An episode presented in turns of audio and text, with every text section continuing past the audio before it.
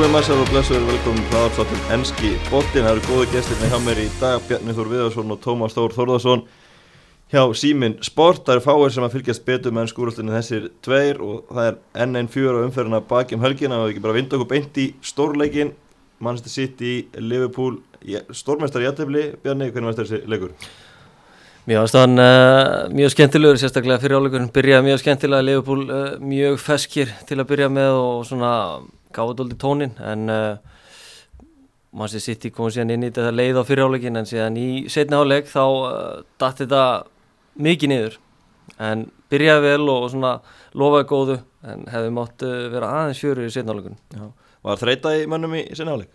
Já, ég held að það er ekki, ekki nokkur einasta spurning og er ekki besta dæmi kannski og skýrast aðeins og, og Bjarni kannski fór yfir eftir leikja okkur við skjáina hérna mér fannst svona fyrir utan auðvitað meðslinn hjá, hjá Trent sem við kannski tölum um þetta smá og, og svona stóru umræðinni kringu það að munurinn á, á kefundi bróinni í fyrirháleik og, og setniháleik að, að við fórum yfir að svona aðeins fyrirleik með, með Jota hérna í liðinu að, taka hvað var að segja svona aðeins meira cover hérna af vinnumönunum inn á miðunni að bjóð til alveg endalöst pláss fyrir kefundi bróinni og því ofta sem maður horfiði á setniáleikinni, svona kíkti aftur á hælætin í, í, í nótt sko þegar ég var að, að hérna, undirbúa mig fyrir þetta mækki minn, mm. að hérna að hann var eiginlega betri fyriráleik heldur með myndi sko, hann var í öllu hann var að skapa færing, koma sendingar út á, út á kantin, átti þetta fína skotana rétt framhjá uh, stóra þátt í markinu, hann er út um allt og allstaðar.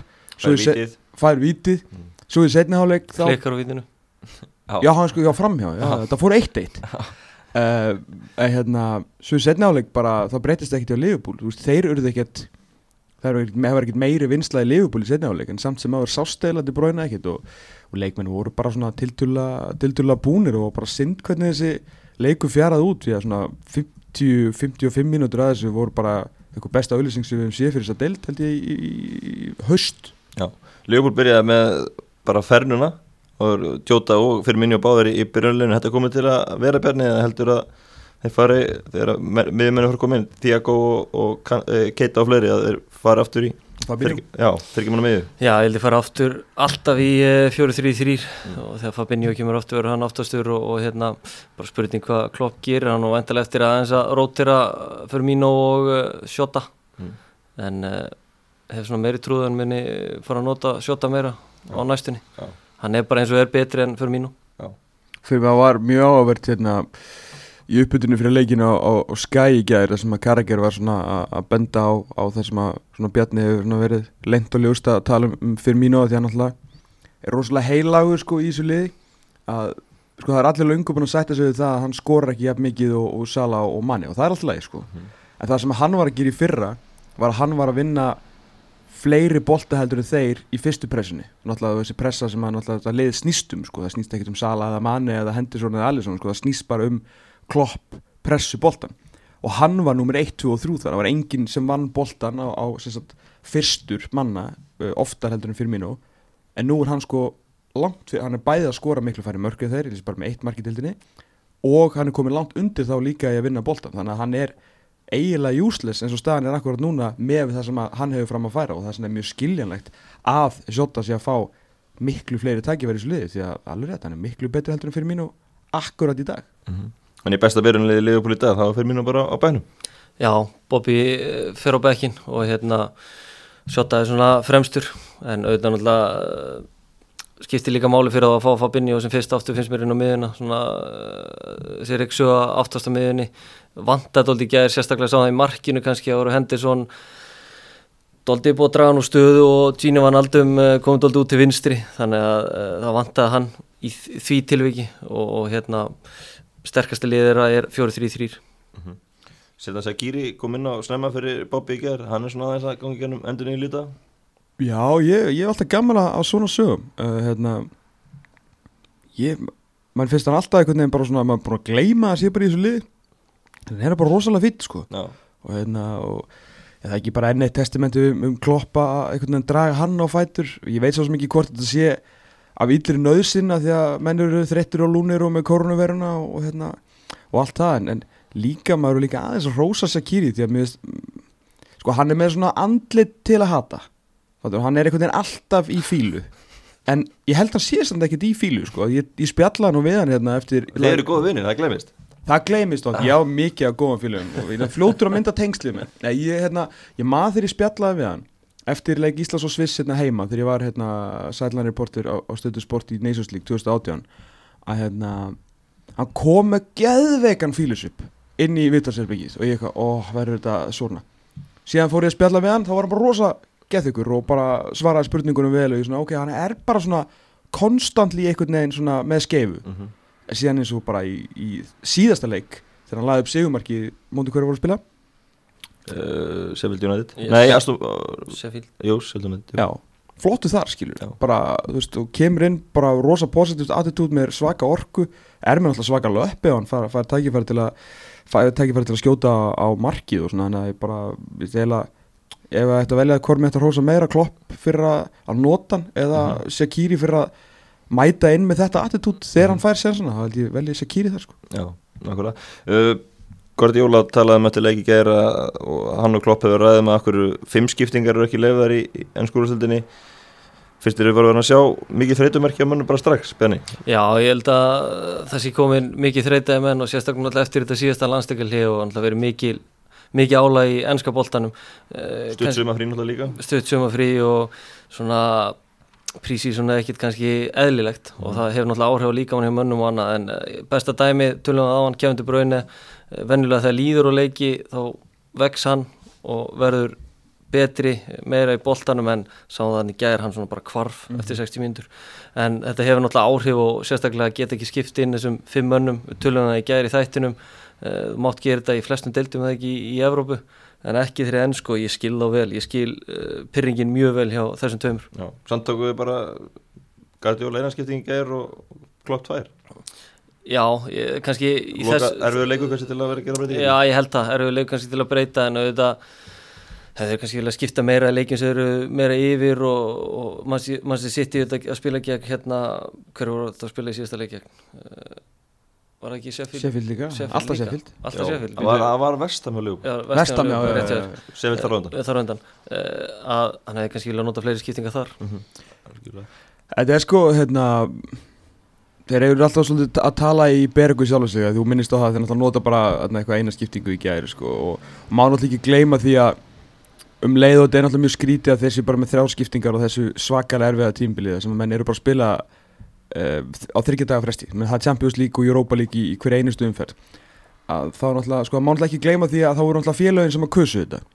Og það voru minni félögin sem að vildu halda þessu í þremur skiptingum það sem að þeir voru svo hrættir um að uh, þessu stóru lið myndu bara fara að keira yfir og þeir mættu koma bara með fjórða og fymta leikmannin inn á en það kannski glemdist aðeins í, í þeirri umræða held ég að, að það er ekkert alltaf svo gott að gera fjórar til fimm skiptingar í leik. Ég meina við aðeins öðruvísi dæmi úr allt öðruvísi deild. Ég meina við vorum bara í, í útastættinum á lögadaginn að tala við Björsa Reyðars þar sem hann var að viðkenna í raun og veru mistök sín að hafa gert fimm skiptingar í leikamótið þérmaki í sumar. Menn hann reyðlaði bara algjörlega gameplaninu, hann kannski þurfti að gera út af meðslum okkur í þreytu en að skipta inn á fimm leikmönnum er ekkit endilega svo gott. Og jú, þú fær alveg ferska fætur inn á en, en meina þetta er hálft liðið er farið út af sko. þannig að uh, David Moisemitt uh, hérna, gamli stjórnars bjarnar hann sagði hann um daginn að ef hann myndi kjósa aftur í dag þá myndi hann skipta um skoðun, hann er búin að skipta um skoðun. Hann vil fá fimm núna sko. Já, ég held að sé ágætt að hafa optioni á því að séu fimm skiptingar. Uh, auðvitað nýtur það ekkert alltaf sumi leikir. Eins og segir myndu reyðla leikskipulæðin og vilt bara láta einni eða tvo inn á. En ég meina af hverju ekki hafa þetta option? Það, það, eins og fyrir litlu liðin, ég held að sé líka ágætt fyrir þau. Ég meina þau vera þreytt eins og, eins og stóru liðin. Ekki spurning og þegar þau fara eins og í janúar þegar byggarinn kemur og þetta voru, aðeins að pissi í skóin svona þegar þau voru að kjósa þarna. Þetta var svona skamgóður vermir í þessu. En síðan náttúrulega er þetta líka svo fyndi varandi veist, allt þetta leikja álaga sem við verðum að tala um núna.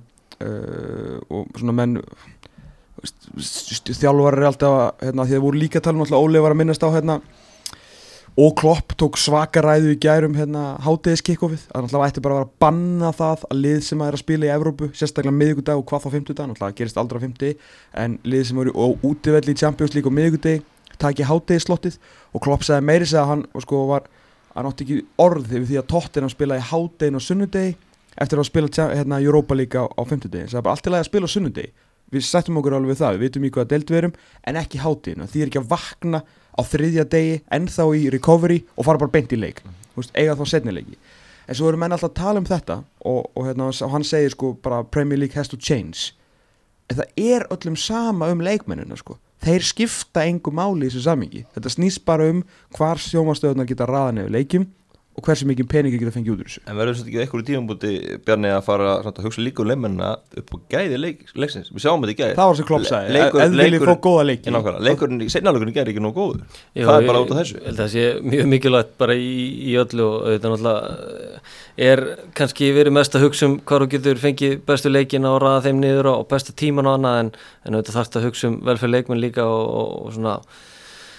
meðsla hættun og annað og þeir þurfa bara að finna einhvern svona smá jafnvægi í þessu, Eh, það er kannski vanta og, og ég, eins og ég sagði hér aðan, ég skilða rosalega vel þess að stjóra að vera pyrraður, sérstaklega Jörgur Kloppa að missa kannski trend núna líka í, í, út af þessu meðsl Já, fyrst erum við í þessari umræði þá kannski punktur í þeirri að Sándón, Aston Villa, Everton sem lið sem eru ekki í Európa-kemnum þau verðast að hagnast greiða lágs við sjáum Aston Villa vinnur Arsenal í gæðir 3-0 Arsenal er búin að spila tvo leiki í viku núna menn Aston Villa er alltaf með viku, viku kvöldu milli Já, ég, ég skilur hvað þú fara, þetta er veist, mjög lítil afsökun samt fyrir Arsenal í þessu leik þar sem að þeir skiptu náttúrulega nánast út öllu liðinu sko, Jú, jú, en eins og fyrir Aston Villa uh, þeir fá viku og æfingarsöðin sem eru bara undirbúið bara þennan leinars leik. Og leggja rosalega mikið Mhm. í leikina, þú veist, John McGinn get ekki hlaupið svona Jack Grealish get ekki hlaupið svona, Douglas Lewis get ekki verið með þessa yfirferð ef hann væri að spila tvisverði viku sko. Mhm. en þetta er náttúrulega allt annað dæmi. Þegar þú getur bara, þú veist, Allan hjá Evertónum, þú veist, hann er kannski ekki hann er fitt og flottu gæi, sko, en við sjáum hann ekkert gera þetta tvisvar 90 á þryggjadafresti, sko. Nei, nei, nei, saman á því Aston Villa, þeir eru að græða á þessu þetta, þetta svona þetta er fínt fyrir þá, eins og segir þeir fá viku á aðengarsæðin og geta undirbúið sér betur og, og geta farið í fleiri nuttíma og þurfa ekki að ferðast og, og allt þetta, þannig að það er bara fínt fyrir sumli en þetta hefur kannski ekki verið að nýtast Everton neitt sérstaklega vel síðustu vikur. En þeir eru þetta með Jú, margar landsleismenn, Aston Villa líka en það er þessi Evrópuleiki sem verður kannski að spila dóldi og vega dóldi þungt.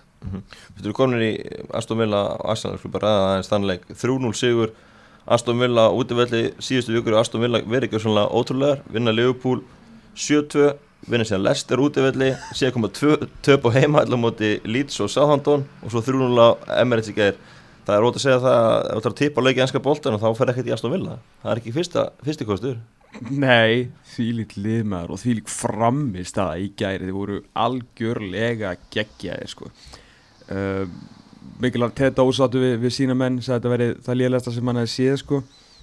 Ég held að þeir hafa bara verið í, í smá sjokki því að þeir fara einhvern veginn úr því að, að, hérna, að hlusta á einhverja svona lötur hæga svona sinfóni, sko ekki einu svona sinfóni bara svona eitthvað þeir voru eiginlega í bara svona liftu tónlistarleik á móti Master United. United voru svo hægir og svo lélegir og þessi tígull virkaði svo illa og þeir gátu ekki raskat í þeim leik.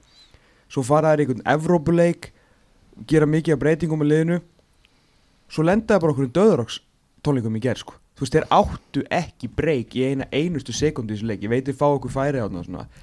En ég held að það var bara orðið fyrir svo miklu sjokki. Þeir voru búin að koma út tveimur leikjum sem voru svo hægir og svo léttir fyrir þá í raun og veru og svo voru bara, það var bara hlaupið yfir þá sko. það var bara hlaupið yfir á í þessum leik og Aston Villa var svo margfalt betri að það var ekkit eðlert sko.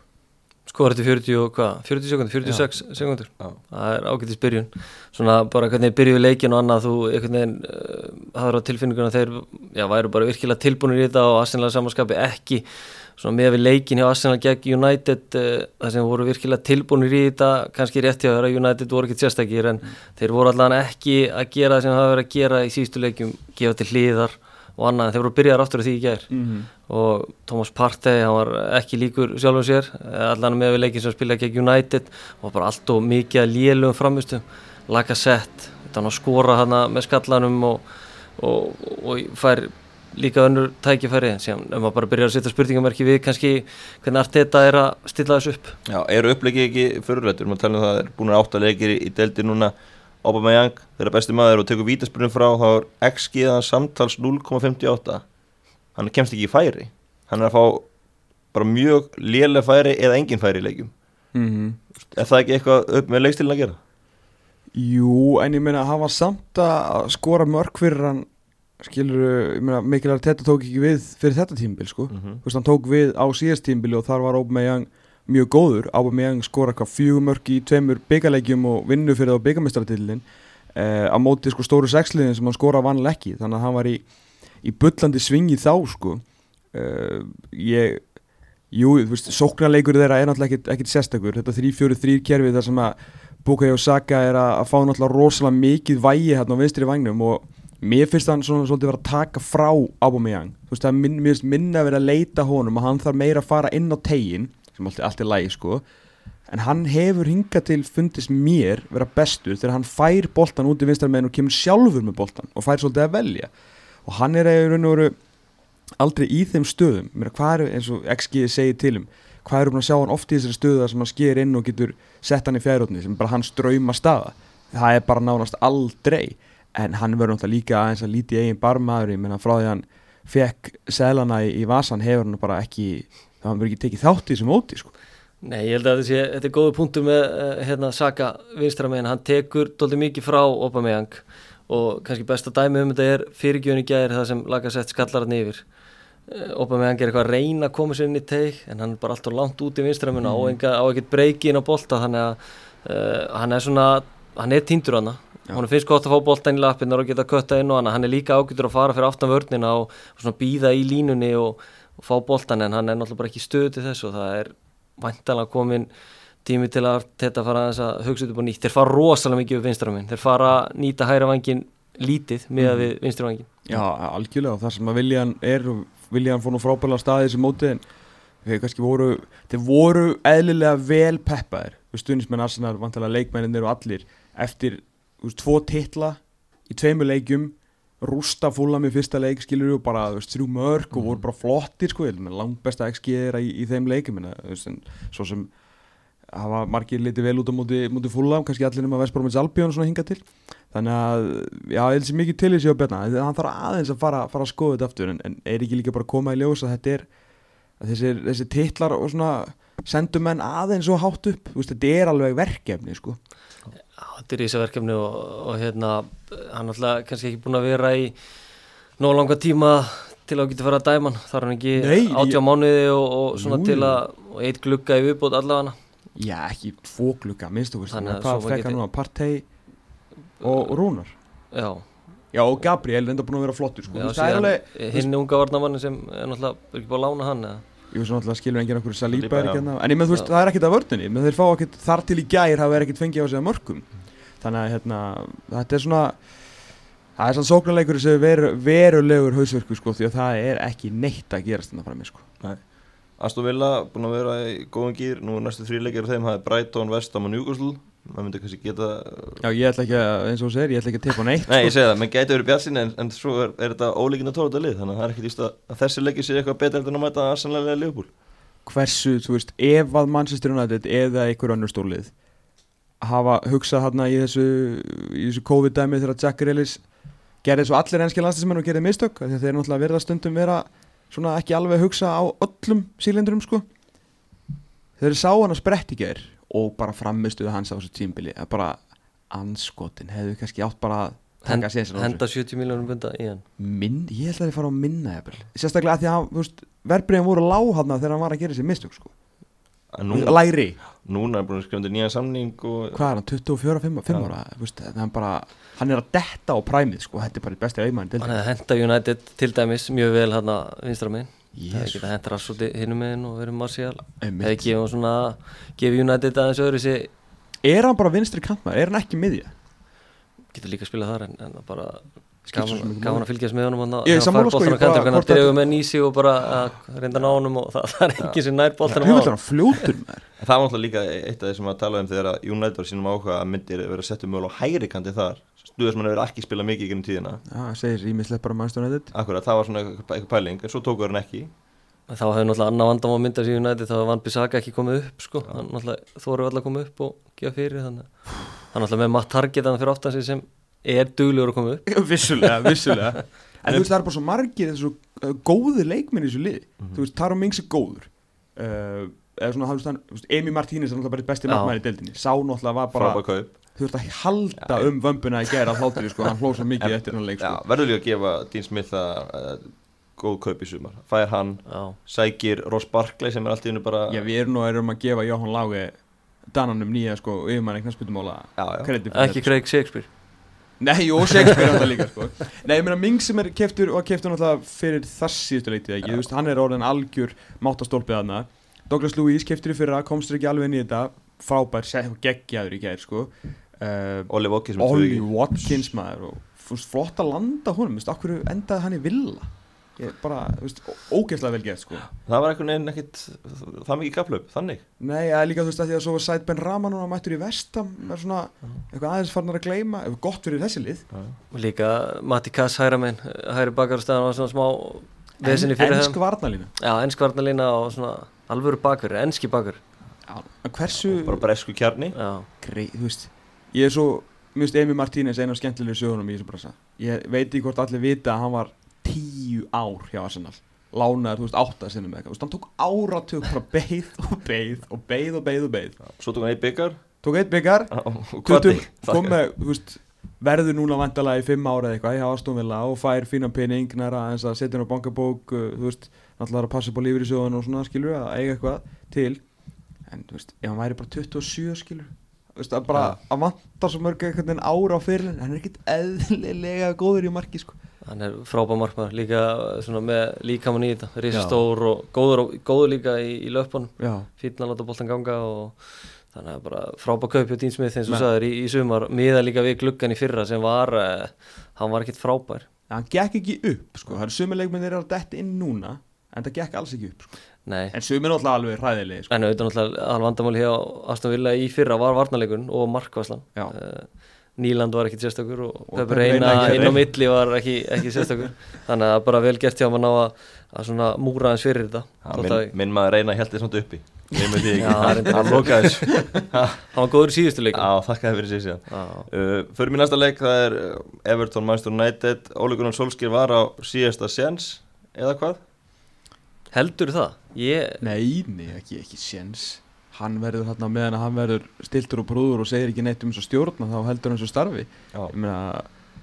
Þegar þegar er eitthvað sko, ólíkurinn Solskjær er fyrirhundi leikmaður og þetta er karakter. Hann er það, hann var þessi leikmaður og, og hérna og, hann var aldrei hann, sko, supersub en við erum alltaf að tala um það að hann þóldi að þeirra að vera á bekknum. Mhm. en samt var hann alltaf á bekknum sko. en samt kom hann alltaf inn á með gett attitút og gerði það sem hann þurfti að gera og þetta tryggir hann ótrúlega titil á sín tíma.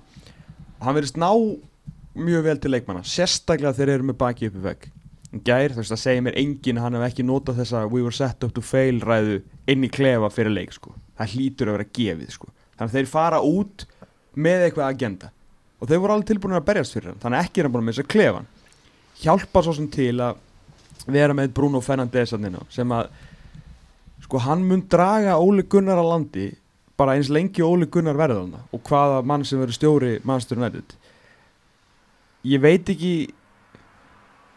ég veit ekki ennþá hvort Óli Gunnar sko sé ég, ég, var- ég var til hálf þrjú í nótt að pæla í hvort Óli Gunnar væri framtíðin fyrir United og ég er ekki ennþá komin að niðurstu sko.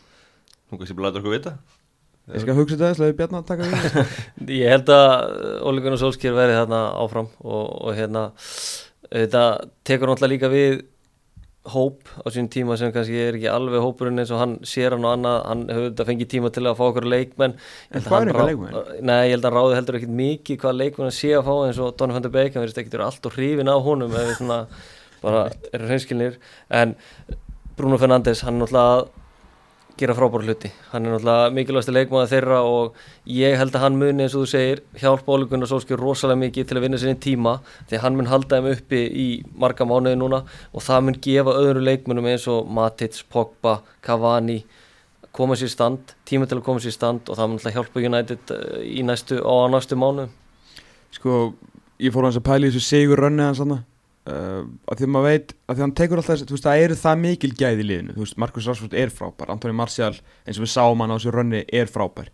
Uh, Mason Greenwood var frábæra í, í, í, þetta smá kapla. Þegar að hann á rönn er nefnir Matic einn besta sexan í dildinni en þetta náttúrulega er bara alltaf svona einhverju sexju leikir og svo er hann einhvern veginn dottin úr liðinu. Uh, Paul Pogba á að vera góður Bruno Fernandes er einn af bestu leikmennum í dildinni Harry Maguire er besti miðvörurinn. Ef að David De Gea er bara þú veist, á sínum deg, þú veist, það eru gæði í þessu lið þannig að þessi, hvað, það voru 14 leikir frá því að Bruno Fernandes kom fram á lók tímbils þar sem að þeir uh, töpuð ekki, nýju sigrar, fimm í aðtöfli þeir vinna, þeir eru nýbúin að tapa fyrir bæði Arsenal og Liverpool, áður en hann mændir hana tapa svo fyrir Burnley, tapa ekki meir. Vinna Chelsea á brunni uh, í leika sem að var hjálpaði maður, en, en þau voru fínir ég var hana á, á vellinu með Ísmára og bara voru góðir. Og taka City þar sem að þeir náttúrulega bara spila svolítið eins og svona bétildalið í byggarnum bara liggja tilbaka en, en rosalegu vilji og klára leikin vel svo voru þetta svona vinna hann að lesti líka út í velli og allt það. Líka náttúrulega slökluði hérna inn á milli. Ma, maður vissi ekki alveg hversu góðir þeir voru en það sem hann hafði þar var að það var alltaf samanliði, bara fjóru, tveitir í reyn alltaf samanliði og þetta gekk einhvern veginn út þetta tímbil en síðan höfum við síðan alltaf núna að hann veit eða ekki hvort fótunum hann á stíga. Er þetta fjóru, tveitir í reyn er þetta fjóru, fjóru, tveit tígull eins og hann prófaði um daginn. Veist, mér finnst hann ekkit vita hver er besta taktikinn, er, hvað er besta liðans uh, hvaða leikmann getur treyst á allt í raun með svona Greenwood sem var algjörður revelation fyrir sko mánuð eða fyrst fyrir tvei mánuðu síðan. Nú er hann ekki í hóp. Og hver, hver ver, er og verður framtíðin hjá, hjá þessu félagi sko. þannig að ég einhvern veginn ég sé ekki hann sem eitthvað vola takti sterkan leikmann meðan þú veist, sér eitthvað eitthvað pressu eða eitthvað, eitthvað, eitthvað hugmyndafræðan með þig? Sér svo sem ekkert uh, rosalega mikið svona einhverju hugmyndafræði fram á því varandi press og annað hjá hann en hann alltaf, það sem er augljóðast sem hann er að gera, hann eins og við tölum um í gæðir hann er að reyna að venda ákveðna leikmenn. Mm -hmm. hann treystir ekki Viktor Lindelöf og ég skilða mjög vel, markið eftir hann kemur upp úr því að þeir vita náttúrulega bara, heyrðu, Karls Ekki alveg nógu, ég veit ekki klár kannski að, heyrðu, ég bakka bara frá honum eða ég þarf að vinna einhvern veginn betur á honum.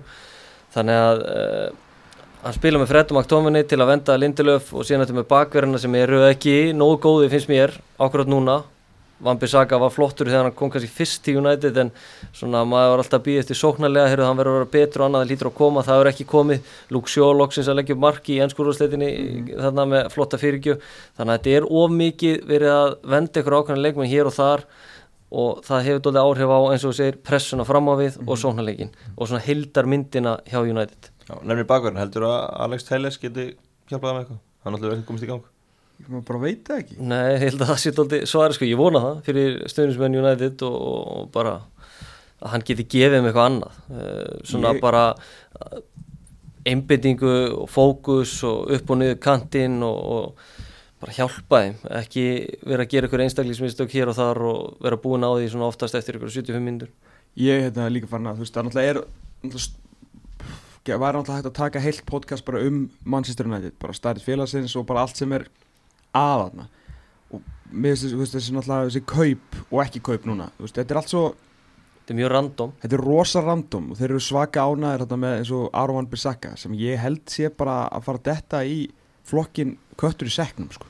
mér, fannst, mér finnst þau kaup og Harry Maguire hann í fyrra Eh, meika miklu bara sens að það sem var að gerast núna. Algjörlega en, en, en svona hefur liðið á með Van Bissaka er alveg sammálaður. Hann svona einhvern veginn var ekki alveg ef hann fær að standa fyrir framann mann Já. og verjast þá er ekkert margir betur í sér en það er svo margt annað. Hann er alltaf, hann alltaf er sko sérfræðingur og horfa ekki á mann og bolta. Hann er ofta að fá bolta nefn, við höfum séð mörg og dauð að færi koma upp úr því að hann bara einhvern veginn er ekki með bara, hérna, sko, greinir ekki bara tím og pláss í kringu sig.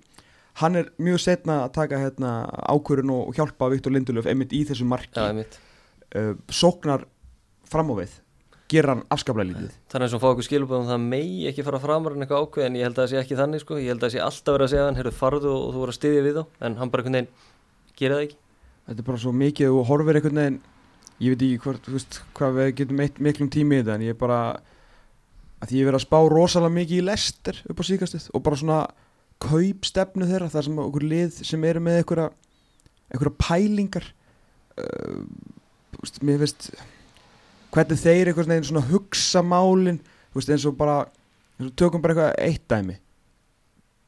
Lester langaði rosalega mikið James Tar Tarkovski hjá Börli hann kostiði einhverjar 30 miljónir pund eða eitthvað. Þeir eru líka með Vesli Fofana á borðinu. Og þeir eru svona, veit ekki alveg hvað er að hvað, í hvað fóturinn er stíða, sko James Tarkovski bauðstema, þá maður þess að gáttuður borgað í, í svona í hlutum en svo eitthvað tekur bara eitthvað ákvörum, bara nei, Vesli Fofana er bara betri fyrir framtíðina, þú veist, við getum komið um hérna inn í lið uh, þráttu við þurfum að borga 30 miljonir bara út þá ætlum við að gera það. Þú veist, það, þú veist þetta er rætt alveg skilur þú veist, það er eitthvað svona, það er eitthvað pælingar og bakvið það sem þeir eru að gera og all, svona öll einhvern veginn þú veist, svo Júntjur kauftur látin sitja til þess að læra, kemur svo í lið að þeir eru ekki hálfvita þeir vita að þeir munu missa Harry Maguire. Lester er búið að missa risa leikmann í hverjum einasta gluggan og einhverja fjóra-fimm gluggi röð frá því að einhvern, þú veist, það var kantið, það var drinkgóter þú veist, svo kom einhver pása, svo kom Harry Maguire svo kom Ben Tilwell, þeir vita að besti leikmaður þeirra mun fara. En það er alltaf eitthvað klár, þetta er öðruvís en United sem á alltaf að kaupa alltaf næstu stjörnu. En það er einhvern veginn bara svo pælingarnar á bakvið þessi kaupir er svo þetta er svo, svo grunnhyggið þetta er svo, þetta er svo mikið skamtíma vermi sko. Ánum fyrir maður í næsta leik skoðum að þínu gamlu félagi Everton Benny það var voða gaman í byrjun tímabils. Já, mjög gaman. Það er það var gaman þá mjög maður. gaman. Ég var að senda þið stundum hann að of the Blues Já, og já. Við vorum átt að syngja svona Já, en núna er það bara eitt jættefli og sér þrútöpjur í kjálfærið Já, þetta er bara frekar erfið því að hérna, síðustu fjóru leikir en, en hérna, þetta lenda er í meðslum, uh, missa bakverðina Richarlison tekur þess að skemmtilegu tæklingu að það gegn Liverpool, eða ekki skemmtilegu og fyrir þryggjarleika bann uh, það munar að minna fyrir Everton um þessa menn. Og hann með svona alltaf meittur og eins og tölunum ekki er liðina að svarna fatta mm. hvernig upplegi er núna og Ancelotti þarf að endur hugsa þetta, hann þarf að endur stilla liðið og vantar bara líka svona ákveðna grunnvinn sérstaklega þá hjá miðjumönnum það, það er engi sem eldir mennin í teig Fernandes, Rashford í mörkunum Mhm. bara gjöru svo vel. Og auðvitað sem varna var Michael Keane eða var ekki Holgate í vörninni? Rosalega erfitt að taka við mönnum á fullri ferð. Það, hérna, það þarf að bæta nokkru hluti.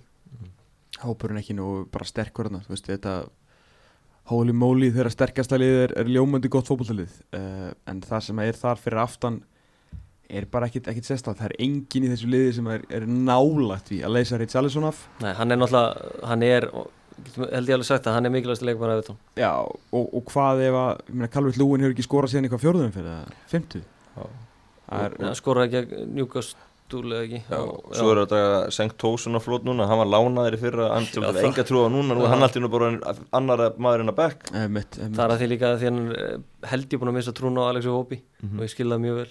Með hvernig hann hefur komið inn í leikinu hana. Herru svo er Moise Keane bor, besti framherrin í Evrópu? Já, já, Það þetta vissi enginn. Það er eitthvað að spila í lík en, Já. en hann er alveg með sank mörg sko. Leiku skoðana. Duncan hafði ekki trúan Nei, hann hefði trú á sínum manni. Já, Og eðlilega, geggjaður. Já, en síðan höfum við líka rætt að Ancelotti, hann þarf uh, væntalega aðeins meiri tíma. Hann þarf uh, einn eða tvo klukki viðbútt Það er bara rosa mikið af projektum í gangi í þessari deild. Það eru Það er eitt lið í þessari deild fastmótað. Það er liðbúl Mm. Manchester United er í einhverju, einhverju ég veit ekki hverju, þeir eru í. Arsenal er klálega uppbyggingu. City, City, þú veist, Ferran Torres nýleikmaður veist, þeir eru fullta klá- nýleikmunum ég veit að þeir skrítið að segja þessi uppbyggingu en af því að þeir eigða svo miklum peningum en þú getur alveg eins verið í uppbyggingu sko á, á hérna, miljardabudgeti eins og miljónabudgeti sko. Veist, þeir eru einhvern veginn að finna sig aftur veist, eftir að kompani fór og allt þetta dæmið skilur með, með Ferran Torres. Þeir eru að reyna Díaz, ha, Ruben Díaz. Ruben Díaz, veist, þeir eru að reyna líka að sko, þeirra leit að hvað var að segja, þeirra svona pælingar í lífunu eftir Sergio Aguero eru í gangi sko. þegar hann fer meina Sergio Aguero er umdælilega besti framherrin í sögu Premier League sko. hann er í því conversation sko. þannig að þú ert ekki með hann inn á vellinum er hvað þá Gabriel Jesus kemur inn, skora geðveitt mark ef þeir eru ekki inn á veist, þeir þurfa að finna framherri eins og öll önnulið sko. þannig að það er bara, þú veist, það er allir einhvern veginn í einhverjum uppbyggingafasa og Everton er ekkit undaskilið þar sko. Já, nema Leopold, eins og og Leif- nema Leopold, þeir bara vita nákvæmlega hvað þeir eru en það langbæsta liðið sér til En það verður gáðan að fylgjast með hvað hann gerir í næstu gluggum, uh, hvaða leikmenn hann sækir. Hann virðist hafa tólti púl, Ancelotti, og skiljanlega kannski. Já.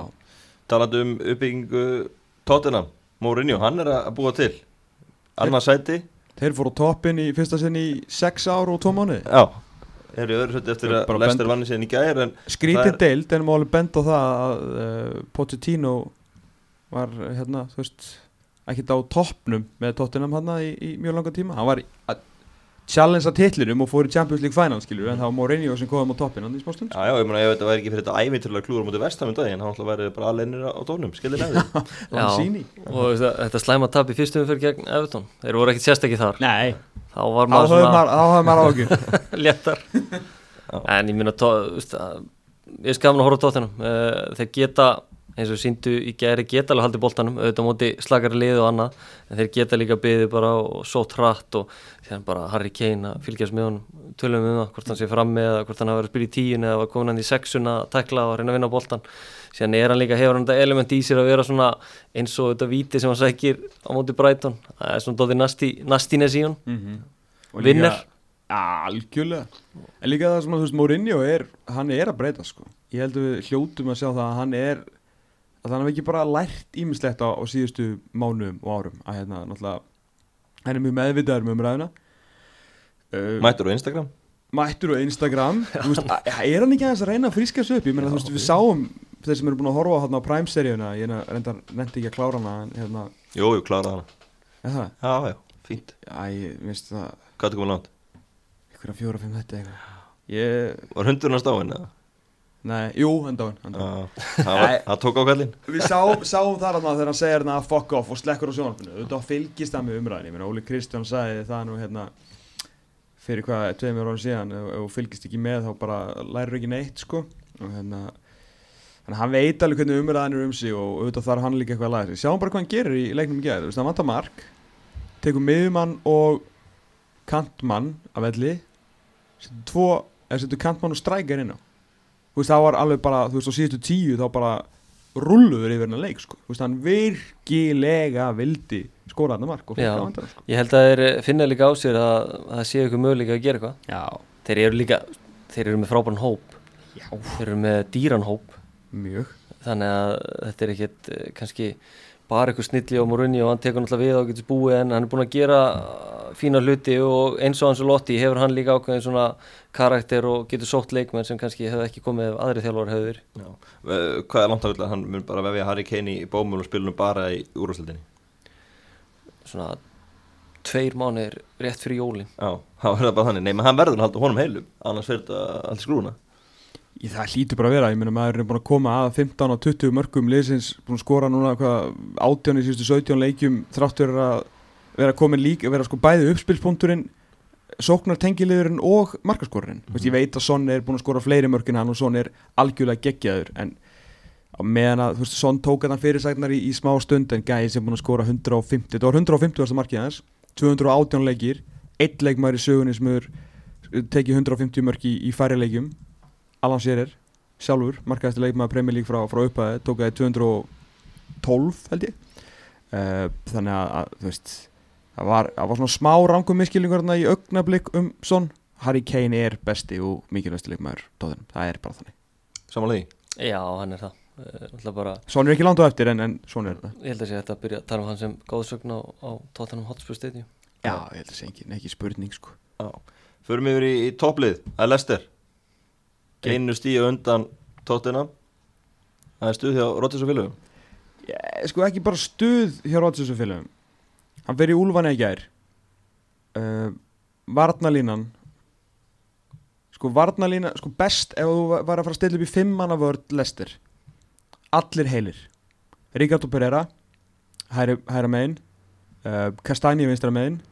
Þú ert með Johnny Evans, Chaklas og Júntsjú og ég veit ekki, Vesli Fofana. Já, Ég ekki, ekki Vest Morgan. Ekki Vestmorgani, hann kemur inn á það síðust tíu. Þetta er, ekki segja að þetta sé sterkasta varnalínan Jú, ok, hvað voru margir af þessum fimm í liðinu í gær? Tveir. Og tveir, Fofana og Evans. Já Evans var komin inn aftur fyrir ekki. Og þetta átti að vera miklu dramatískara með einn. En tveir af fimm er sant tveir af fimm er samt svakalegt sko. Já. og í leiknum á undan því þá var hann líka með 2 af 5 menn hann er að gera þetta allt á þess að vera eins og með alla heila, hann er ekki með Wilfred en Didi heilan sko veist, bara hann er, að, hann er að gera þetta án en Didi, James Mattisson hafa búin að vera svona mjaka honum inn í inn í liðið. Uh, með þess að Jamie Wardy er búin að vera Einmitt. svolítið haltur. Þetta er ekkit hann með einhvern unga vinstri bak Luke Thomas Já, hann var, hann var í, í lestirleiknum og, og í hvað og hvað sko. Þe- þeir eru ekkit, þetta er svo flott fótballtafélag og hvernig þeir eru að- að kaupa inn leikmennina og hvað þeir eru að gera. Og Brenda Rodgers bara frábær stjóri. Og hvernig, þú veist, það gerði honum engan greið að taka við Liverpool svona snemma þú veist, að, að það hefur svolítið aftrað honum í allir umræðu og, og allt sko en hann er að sína bara mikla snilli með þetta lestilið. Þeir, veist, þeir eru náttúrulega vilja svolítið liggja á beita skindisóknum enda með varti í það en þeir geta líka alveg stýrt leikjum. Hann getur skipt á milli 4-3, 4-4-2 3-5-2, 3-4-3 bara frábær stjóri. Og svona nýtur rosalega lítil sannmælis, ég sá ógeðslega mörglu svona á lofgreinum hann á Athletic um daginn það sem að hérna það sem að þurfti samt blagamörn að vera með svona stæla. Byrjaði svona því að hann var í viðtali eftir í rústu Leeds um daginn uh, í beitni útsendingu í Monday Night Football.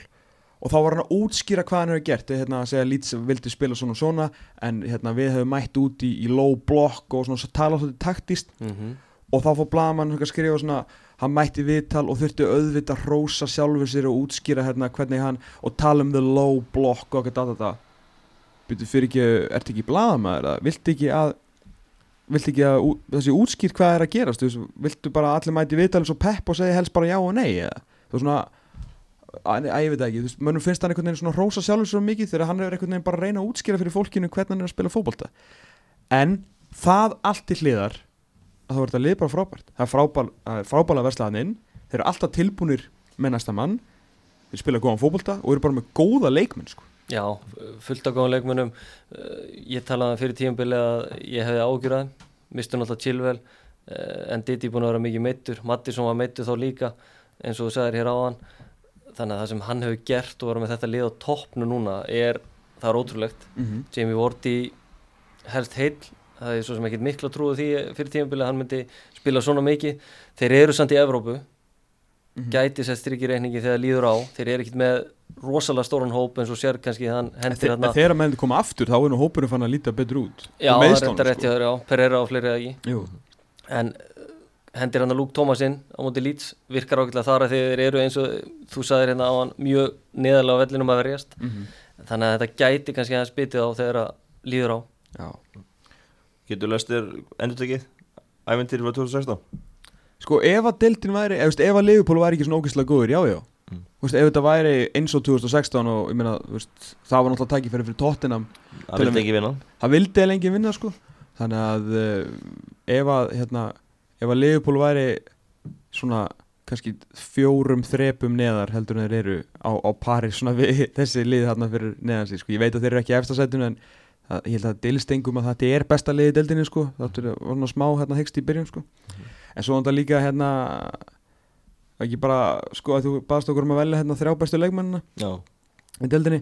Ég ætla bara að henda út einu núna fyrst við erum að tala um Lester að eh, einn af þrejum bestu leikmenn tíumbilsis so far er Júri Tillemans uh, þetta er geggjaða leikmaður. Hann er ógeðslega góður. Hann er eini leikmaður sem er búin að spila alla, allar mínútunar hann fyrir utan Kasper Smakkel hann getur, hann getur varist hann getur sótt. Hann er með því líkar sendingar fram hann að vangina bara eins og sendingin í markinu múti Arsenal hann líkir sendingi þar -hmm. sem að eh, sem að undir kemur síðan fyrir á, á Jamie Vardy.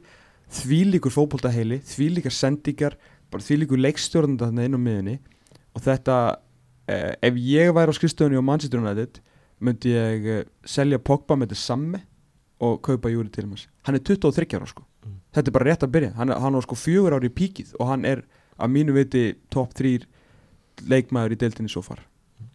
Það er ekkert annað. Förum við í næstu, næsta lið, það er Chelsea. Chelsea vann uh, 4-1 á melgin á móti Sheffield United. Þægilegt hjá Frank Lampard og læðisunum hans og Bjarni Sumarkaupin halda áfram að gera góða hluti á, á Chelsea. Já, þetta er farið að virka núna. Þetta virkar náttúrulega ekki kannski í fyrstu umfyrunum uh, til dæmis Timo Werner uh, hann skoraði ekki að laða ekki upp í fyrstu fjóru leikjunum í enn skórastetin en núna kom með, búin að taka þetta ykkur fimm mörgum, búin að skora fjögur og, og leggja upp eitt í sístu fjórum. Þannig að þetta er svona aðeins farið að virka menn þurfa náttúrulega oft tíma til að koma sér inn í hlutina og það er að gerast núna. Þeir eru að, farnir að synka hana frammi og, og það lítur okkur út, hann er náttúrulega búin að finna vördina sína, komið alveg markmann ekki með eitthvað grínandi markinu. Eh, þannig að þetta lítur vel út fyrir Frank Lampard en uh, þeir þurfa samt aðeins lengri tíma til að koma líka fleiri leikmunum inn í þetta en lítur vel út núna og bara frábæð sigur. En uh, Sheffield United, ég hef verulegar áhugjur af uh, Sheffield United og Chris Wilder besta vinni Tómasar uh, hann hérna, það lítur ekki vel út þeir eru ekki að gera það sem voru að gera í fyrra þeir eru ekki að ná að koma liðan og sér að mæta óvart. Þeir eru einhvern veginn uh, saknadóldið að við erum ekki með þetta base eins og vorum í fyrra þess að þrjá hann aftast voru alltaf heilir og þessi þrýr á miðinni Olli Norwood, John Fleck og hver áttu þrýð John Lundstram já. Það hefur ekki verið alveg nógu mikil hvað að segja, þeir hafa ekki spilað ná marga leiki saman þessir gæjar og, og þá hefur þetta verið svona dóldi erfitt fyrir þá að, koma þessum liðum á óvart með þessari pressu og, og annað, þeir verðast líka oft vera þreyttir í leikjun Mhm. Já, ég hlaka líka til svolítið að sjá Chelsea spila við uh, með þetta í gangi við aðeins betri lið. Bara bara, Mættu Liverpool þá að gepa í markinu já, ég er svona og, þegar ég að tala um aðeins betri lið er ég bara að tala um úst, Leicester, Ulfana Mhm. uh, Aston Villa, skilur við bara svona lið sem eru mikið power, er að spila vel aðeins að láta aðeins að leikmenn hafa meira fyrir hlutunum veist, láta Rhys, svona, aðeins hlaupa meira á Rhys James sjá hvort hann sé ekki orðin alveg upp góður og við höldum að hann sé uh, saman með þessa miðju hversu mikið framherjarnir og þessi, þessi svona hverjir sem verða hann fremstu fjóri fimm hversu mikið ég fá að njóta sín þegar ég spila einmitt á móti aðeins betri lið en, en sammála líta ógeðslega vel út og hrikalega gaman að horfa á. Og Kristján Púlisic er ekki með Kai Havertz ekki með. Einmitt, eiga, eiga þess að þú sérstaklega Pulisic inni sko. Að hérna en, en því líka munur að sjá eitt fótballtalið með, með markverði og miðverði. Og fyndið sko að hérna hvað gerði, hvað gerði Liverpool á síðan tíma þegar þeir til að taka skrefið upp í að verða bestir? Markur og miðverður Já. og ég er ekki að tala um að Tiago Silva sé að fara að gera Chelsea að englansmeisturum sko 36 ára en það kannski þurfti að vera 26 eins og Mendy skilur. Þannig að hérna en markvörður og, og miðvörður þetta, þetta getur gert kraftaverk bara eins og tröstu vinnur sko. Já, algjörlega. Seville United östu dómur, þeir eru leiðin niður. Já. Það er ekki flókið. Nei, þetta er bara, þeir eru ofslagir sko. Eða þú veist, þeir eru, jú það er bara ekki nóg að hlaup þeir hlaupa næstmest í deildinni og eftir lít sko það, það er ekkit, það vantar ekkit upp á það að þeir leggja allt í sölunar en talandum um, um þryggjamanna tríó að þeir eru með eitthvað sko ég held að 70 pluss prósent af þeirra sigurum koma með uh, heilugu þrenninguna hann aftast. Uh, Connolly, Egan og Basham takk. Já. ef þeir þrýrur ekki, Já. vinnar ekki leiki Nei, auðvitað er bara áttuðum fyrir búnar en, en staðan er bara þannig, United er með eitt stig á botninum í 14. seti og 15. seti eru United og Leeds með 10 stig þetta eru 9 stig að bil strax og maður sér ekki liðin frá 15 og fyrir ofan fara að svoast og eins og fallbaróttu þannig að þetta eru bara Seville United, Burnley, nýliðanir Vestbrom og Fulham og kannski Brighton sem Já. er að fara í Það er, fallbaróttu hvað er þetta ekki fjögulið um þrjúsæti? 5 Fimm lið um þrjúsæti? Já. Já. já, ég meina því miður, þú veist, af því að það sem að Sheffield United var að gera í fyrra voru, var að liðið var að halda hreinu Já. Trekk í trekk það var ekki hægt að komast í gegnum og ef þeir fóru gegnum fyrstu pressu, þá mættu þrjumenningarnir hérna inn á, miðunni ef þeir komast í gegnum þá, þá voru það þrýr hérna aftast og svo náttúrulega sjálfsögðu eiginmaðurinn George Bolton. Og ef allt brást, þá var það topp tveir markmaðurinn í deltinu á síðustu leikti Dean Henderson sem að rettaði hlutunum.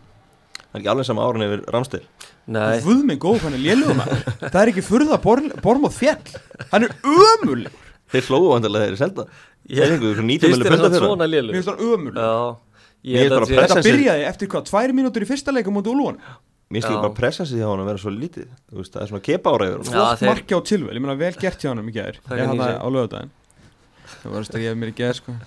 Ég sagði vel gert, bara ha, hann fekk hann í sig? Ég meina á réttum að á réttum stað. Já. En Ramstæk gefur varnalínunni og þeim fyrir fram sig ekkert alltaf mikið sjálfstöðust og Pældi að fara úr Dín Henderson í þetta bíómaður. Er Og líka bara sjálfstötti í liðun Í fyrra gekk allt upp og er róa hræsir Nú gengur ekkert og, og það sér ekkert fyrir endana Nei, sem þú hættur að sjá utanúlöpun hjá ja, Chris Bassiam tekur þau reyndar inn á milli Já, en ekki af mikið. Ekki af mikið. Og Enda Stevens hann er ekki mikið í þessu. Þannig að Og hann þetta var vantar- líka eitthvað sem var var nýtt í fyrra og óvænt og menn, Já. þú veist, núna það veit allir hvað er að frétta. Síðan kaupa hann alltaf framherja í Rían Brewster. Hann snerti boltan svona 5 sem gegn Chelsea. Já. þetta var alltaf að negla hann fram á hann og kannski ert ekki að fara að vinna skalla ef við gegn Kurt Zuma. Hvernig er power rankingi núna á ennsku markvörunum? Jordan Pickford nummer 1 Pickford og Beckjaður uh, Henderson er á bekknum. Já, uh, Nick Pope er ræðilur Ramstel ekki góður. Ramstel ömurlegur. Og er ekki alltaf bara Joe Hart, tressabænum hann tók líka hann tók þetta leikum vikunni. Já. þetta er, þetta er vond þeir voru með þrjá frábara fyrir hvað, þreim mánuðu síðan? Já, það er basl. Það er bast Benni, testu til að henda ykkur um liðið niður núna? lefum núna? Já. Sko Vestbrófans Albjörn fellur 100% sko, og það er ekki að ræða það frekar sko. Er bílið sem var sparkið í gluggan núna? Það er að gera það? Þeir voru eitthvað að hóta því Aha, það er rosa skrítið að selja undan honum miðvörð Já, það, ég, hann myndi hætta það eitthvað Þetta, það- þetta er allavega mjög svona styrt samband á milli stjórnarinn og hans og Er hann árangur okkur búin að skrifa undir samning fyrir næsta ár? Nei, þeir eru ekki búin að bjóða hann í hann? Þeir eru ekki búinir að bjóða hann í Ég held að sé mjög svona vond andurlóting og ekki það sem Já. kannski er ekki til að hjálpa til í þeirri þessari barðu Þeir voru svo sem skipulegar á mútið tóttinam og, og Það leikur allt annað að sjá. Allt annað en þrjú að fara niður ég eh, velja þrjú núna þá tek ég chef Sheffield United uh, West Bromwich Albion og hérna Burnley. Er það búið? Nei, ég held bara ekki Ekki að- sens Fúlam fem niður með hennum tveimur. Ég held að Scott Parker Nei, þeir eru allt og Þeir við munum taka svona rönn þeir eru ekki góðir en Fúlam En það sem munum tapa svo mörgum leikjum að að Þeir eru allt og slækir sko. Talandi um Fúlham Já. Já, förum aðeins þangað. Lögataskvöldið, leikur helgarinnar He Vestan Heima Fúlham með Elvis. Heima með Elvis Ég stilt inn og, og horfði og, og hérna Ég líka. Það var sem- ekkit allt og skemmtilegt fyrstu 90 myndunar En svo viðbóttíminn, hann var alveg þess verið að horfa á hann leik. Og Sucek viðtölin scored eftir goal leik. and, uh, on the grass and, and football yes. Besta viðtal heims. Hann var vinnur okkar Súsek sem skoraði þannig að Max sem var hendar umdelt og allt það En það sem gerist í kjölfarið Fyrst þegar að sko, Ben Rama fær á sig vítaspil Nýkominn sem varamæður Það voru tíu leikmenn vestan fyrir aftan bolta Á 97. mínútu Og hann ákvar að sparka maður niður Sem kannski ekki alveg að gáðalast sem hann hefur gert. En Ademóla Lukman ákvað á bjargunum Með að taka liðlustu vítaspil sem ég sé Já, Hafið fjóra sélilega víti í ennskúrústinni frá uppæði Og það bara í fúlustálur Pires. Þeir að gefa hann á Henry. Hann náði ekki, hann náði ekki að koma á markið. Þetta hitti þó á markið. Þetta, þetta er næst liðlegasta víti Það sem að Pires Sko, samt, sko Í flokknum skot að Því að Pires var sending náttúrulega já, Sko, í, í það var tilraunastarfsemi. Það var tilhörnast Þetta var meira í, í svona- flokknum verstu vítin yfir allt er þetta í öðru seti En í flokknum verstu vítin yfir skot á mark er þetta í fyrsta seti Já. Og það er ekki eins og nú klós sko. Þetta var rosalegt. Ég, það, þeir settu í hérna, ég horfði á, á Matsuðu degi 2 eða svona hann í, í nótt. Og þeir enduð á hérna vondum vítaspinnum Mm. bara svona einhver fjóra vít, fjögur víti í röð bara svona rétt áruna að kreditlistin mætti þá voru nokkri sjokkarir hann sko. En það var ekkert eins og nálægt. Eina sem höfðu var náttúrulega bara einhver að skjóta framhjá og yfir sem Mhm. að, þú veist, shit happen sko. Ekki Jeremy Ginas hérna. Það var í, hérna, ég held að það verið í vináttuleika eitthvað. Já, þegar hann tók svona víti sko. Já, í ykkur Nei, mæðingarleik í Evrópuleik- er ekki eða? Jú, það var eitthvað svona Já. skiptingu einhver málið þannig sko. Var ekki Bobby Robson á bænum Jú, Hann var- var, mjög ánæður trilltur á trilltur sko. En Scott Parker, hann var líka trilltur eftir leikin og skiljanlega, ég Já, ég fyrir leik, ég alltaf að koma út úr sjónvarpinu mínu, sko, Já. við talum þetta leik, sko, hann er brjálað, sko. Sáðu marki, skor ekki Lukman eitthvað bila marka móti Ulfónum eða eitthvað, eða Sheffield United jú, hann skoraði, hann er búin að vera náttúrulega þeirra besti maður Er það? já, hann er búin að vera mjög góður, hann er búin að ógnandi og Já, en það er bara máli sko, þetta er svo típist mér fannst, þess, mér, mér fannst þessi vítaspyrna sína bara allt einhvern veginn sem að hann er skilur, þú veist svakalega efnilegur þarna hjá Everton kemst hann ekkert í liðið Everton menn svona ósáttu við það á sín tíma. Sendu Þýskalands. Seldi Þískalands, þú veist, Leipzig snillingarnir halda að þessi að finna eitthvað gullmóla þarna. Skora enda alveg svona slatta til að byrja með og svo einhvern veginn svona feitar hann út. Og jú, þegar maður lýsir og eða horfir á, á fúlami og hann fær boltan þá alveg já, það er eina skiptin sem hvað gerist hann svona hjarta slæri takt með varnamanninu sem þarf að reyna að stoppa hann. Annars er þetta bara til hliðar og, og Já. tilbaka og, Einmitt. En, en þú veist, þetta, þetta er bara verst að víti sér á ævinni sko. En uh, hefði Vari getað gripið inn og hjálpað dreifinum?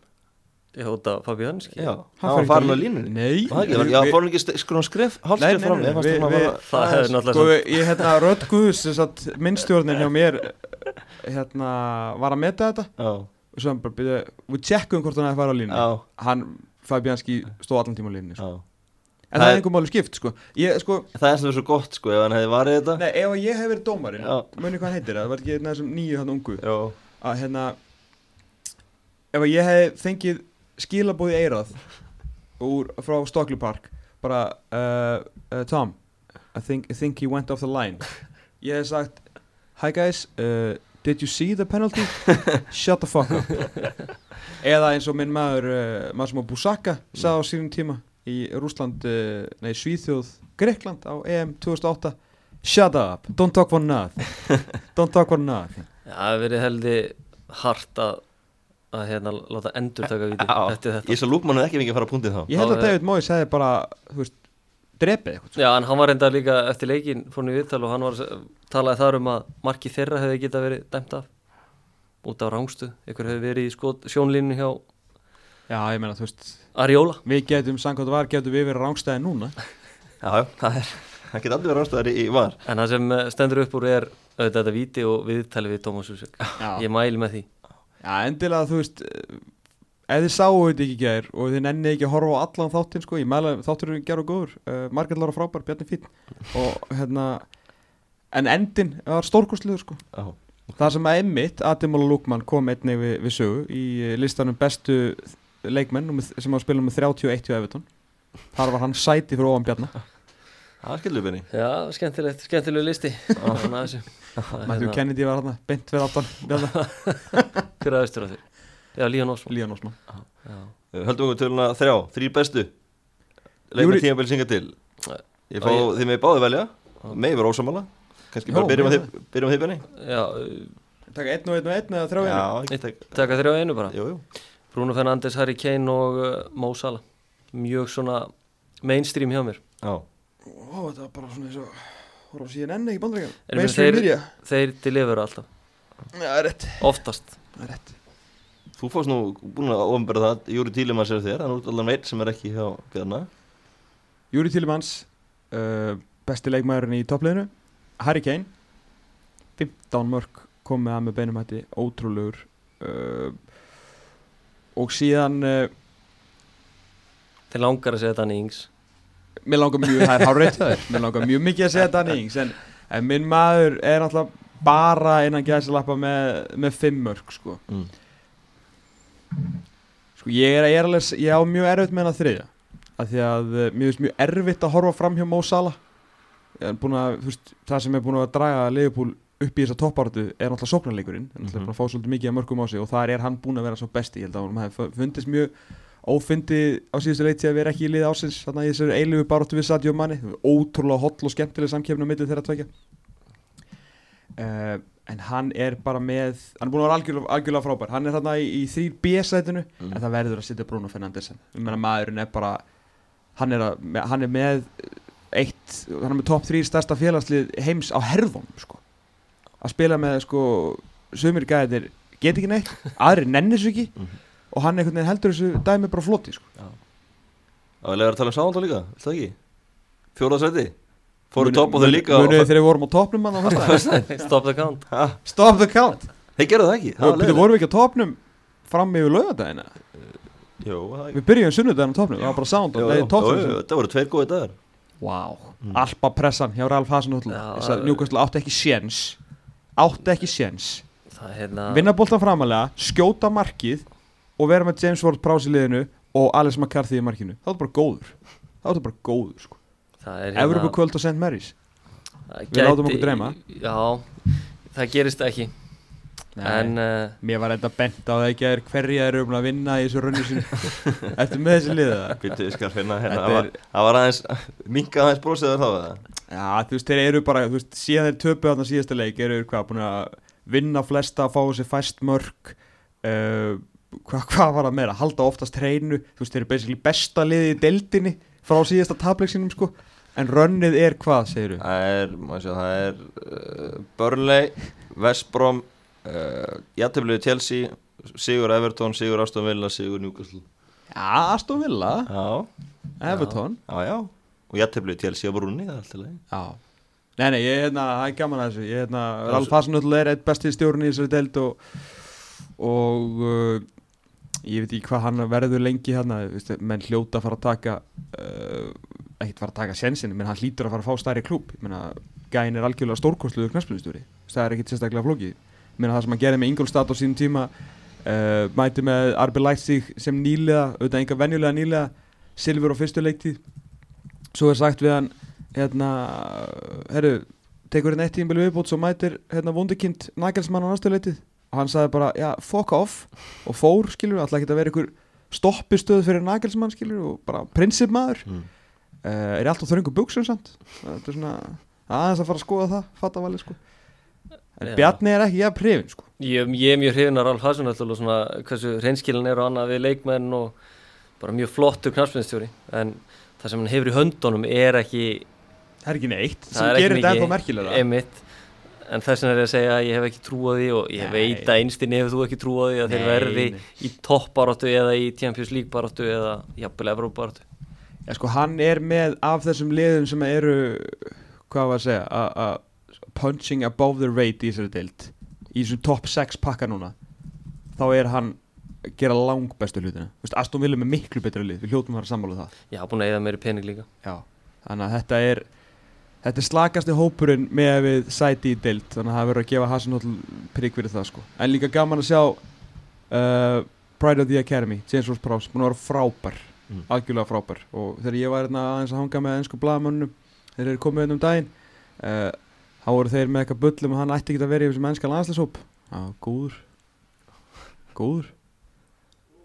Með bara með spytum tækni sem eru ekki sér síðan David Beckham sko. Algjörlega, Nýr Beckham. Herðu, við þurfum að ræða þegar hann sparkar sko. Já, við ekki ræða kannski alveg í öllu hinnu. Þurfum að ræða þetta, ég með að sjá brjóðan tíðandi hérna. Uh, nú er alltaf stórleikur á 15 við getum aðeins einbjönd okkur hún núna. Það er frí í Premier League. Arnur Ingo verður ekki með, staðfest. Staðfest staðfest það, það er bara að passa sóttanir liðsfélagans í Malmö greindist með kórnuveruna í gær, þannig að hann er komin í þegar ég sótkví setti þessu upp í bíl og kom inn þá var hann að fara að spila. Já, svo bara hlutin- við. Já, hlutinni gerast hratt hérna. Og, og það er þannig að hann er ekki að fara að spila á móti ungur og hundaginn kemur ykkur inn í hópin Nei, kemur enginn í hópinni í bíl allavega. Uh, en þetta því það að það er laustað í byrjunliðinu var hann í byrjuleginu? í síðasta leiki, já, kantinum. Já, en í þessu liði Já, eða ekki, varstu, hvernig varstu að sjá þetta fyrir þér? ég er með Birki í liðinu sko má Já, ok, það breytir ímsu þá, já, þá höfum við minni ágjör að þessu sko Já, já, ég sammála því guðlegur á miðunni og Ég held, að, Bjarnason. ég held að ef að Birkir var Birkir Már Sæfarsson var ekki í liðinu fyrir ungverðleikin að þá er hann komin inn í það núna mm. út af því að Arnór Ingvi verður ekki með Já, ok. þá eru Birkir Bjarnason út í vinstra megin Já. til að uh, fá hérna meira cover bara því að þetta verður þetta verður með þessu verk og þetta verður erfiðu leikur. Mm og uh, þetta er, ég trú ekki að þetta sé leikur sem Albert Guðmundsson byrji. Þetta er leikur, leikur sem Albert Guðmundsson geti komið inn á og gert eitthvað. Uh, ekki að hann að skipta ykkur máli í þeirri umræðu. En alltaf er ekki í okkar besta liði dag, ekkert frekar en allar aðru við veitum alveg nákvæmlega hverjir eru okkar bestu menn. Þannig að uh, þetta verður Birki Kári Rækki Hörður Gulli Aron Gilvi Birki Bjarna Jói Alfred -hmm. Sammála, sammála því. Hvernig er fílingur fyrir leikin, Bjarni? ég bara hef mikla trú á liðinu og, og hérna svona virðist alltaf vera eins og þegar við vantilega rætt oft um áður að þegar mikið undir þá eru menn með hausins skrúana og Mhm. tilbúinir í að gefa allt í þetta og er alltaf risa leikur fyrir leikmenn, fyrir Ísland og bara félun í landinu líka. Þannig að þetta er bara vonandi náður að koma bara vel inn í leikin og þetta verða einhverja árundur á leiknum og okkar en ég held að það skipti ekki öllu máli. Það er ekki það margir. Ég held að ef, ef bara við vinnum leikin, ef við skorum kannski seint eða eitthvað, heldur að þú munir fagna jafn mikið og Jónsi frændi gerði þegar FH komst inn áfram gegn Ekarnas á sín tíma?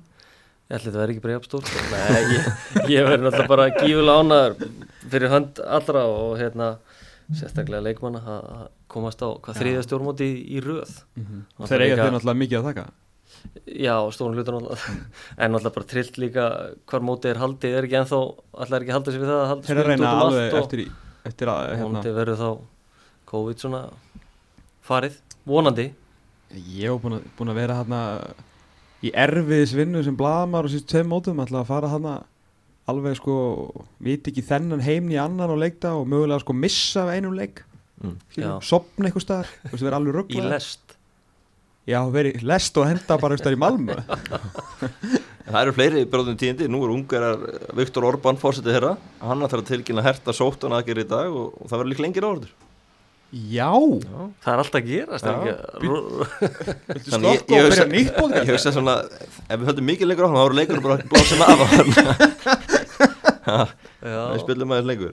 Nei, ég meina, þetta er ótrúlega samt hvað þetta er hafa vítek áru Dominik uh, Soboslæ, einar af besti maður ungarja, miðjumæður Salzburg hann er líki í sókvi og óviskut að hann spili af því að liðsfélag hans er búin að greinast með veruna. Það Þannig er að- nú leiðilegt að heyra. Já, Já. þannig að þetta er þetta er svona Mjög leiðilegt, ég er alveg í rusli. þessi leikur snýst ekki lengur þetta snýst ekki lengur um að hverju eru meittir heldur hverju eru í sókvi við erum komið þangað. Eins og fótbolti er bara í dag. Jú, jú. en samt ekki, ekki, ekki búið að vera í landsliði hefur sloppið þetta hinga til samt? Já, reyndar, reyndar, svo vitum við alltaf ekki hvort við fáum að Er alveg útilokað að Bjarni verði í byrjulegina á móti Englandi eða? Nei, það hverjir er- fara þangað? Hvað segir þú? Þú spilir á móti Englandi sko Eða ef við fyrir til Danmörkur, þá hefur þú ekki farið til meinar, England já sko. Gat nú Hérna. verið að Danir getur búið til verri veiru úr minkum Bara Danir myndu gera þetta Þetta er ekki nóg gott er hérna, en Þú ert ekki reyfin á döðnubinni Eða þið bræðurnir ég, ég veit ekki um bræðum Davíð er ekki hrifinn, Ekki, nei. nei Dan eru fínir sko, sérstaklega það? svona uh, kringu Kaupmannhöfn og það eru þær á Jólandinu Herru, er þetta ekki bara sigur hundaginn? Það er ekki bara að loka Jú, jú, ég meina þú veist Ég veit ekki hversu oft þið vilja heyra mig segja þetta en, en þar til að þessi strákar sínum er eitthvað annað en að þeir vinni lið e, sérstaklega lið sem er í eitthvað svona uppbyggingafasa ég ber fulla vinningu fyrir ungurum þegar hann á flottum úslitum på síkasti en ef að gamla bandi spilar hann að leik að þá mun koma mér á óvart ef við töfum hann 1-0 sigur, 1-0 skorum snemma og höldum þetta út. Og það er ekkert EM allstaðar, það er bara EM á ein, einum stað. Nei, þeir eru að reyna að halda þeim allstaðar Þeir gera það aldrei Ekki? Nei, Nei. Þetta voru haldið eitthvað einum stað. Það er er búin í þar Það er ekki- Það er bara, já, Rússland, Þískaland, England, eitthvað svona. Sjáum bara hvað staðan verið best í mæja næsta ári Það er spilað þar. Ég meina ef okkur gengur jafnvel og upp á síkastuði getur ekki einn verið hér? Jú, með kriki klár Gríkinn klár og Það gras þar, endur ekki flóðin Menn engir áhörður líklega, en það skemmtir ekki vonu Við getum spilað bara í krikanum Nei, nokkuð, þú veist það þarf bara 105-68 gras eða gerur gras. Já, ég meina, og góðum vallastjóra þá er þetta bara klart Ég nákvæmlega, nákvæmlega. Veldin er frábæri í júni, vilti Þetta er nóbrunir. Ég svo að mér sagt. Þetta er gott fyrir land og þjóð. Já, algjörlega.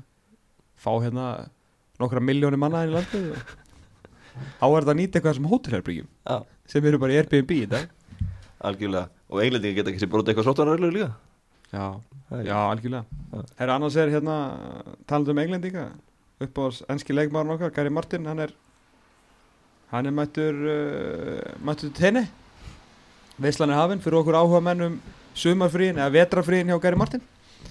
Ég verð með frekari uppdætt í, í þættinum á lögudaginn hvað er að fara að gerast? Fylgir spennt með er með það sko. Hann er bara með eitt hraða og það er alla leið Höfum það logoðurinn, takk fyrir spildi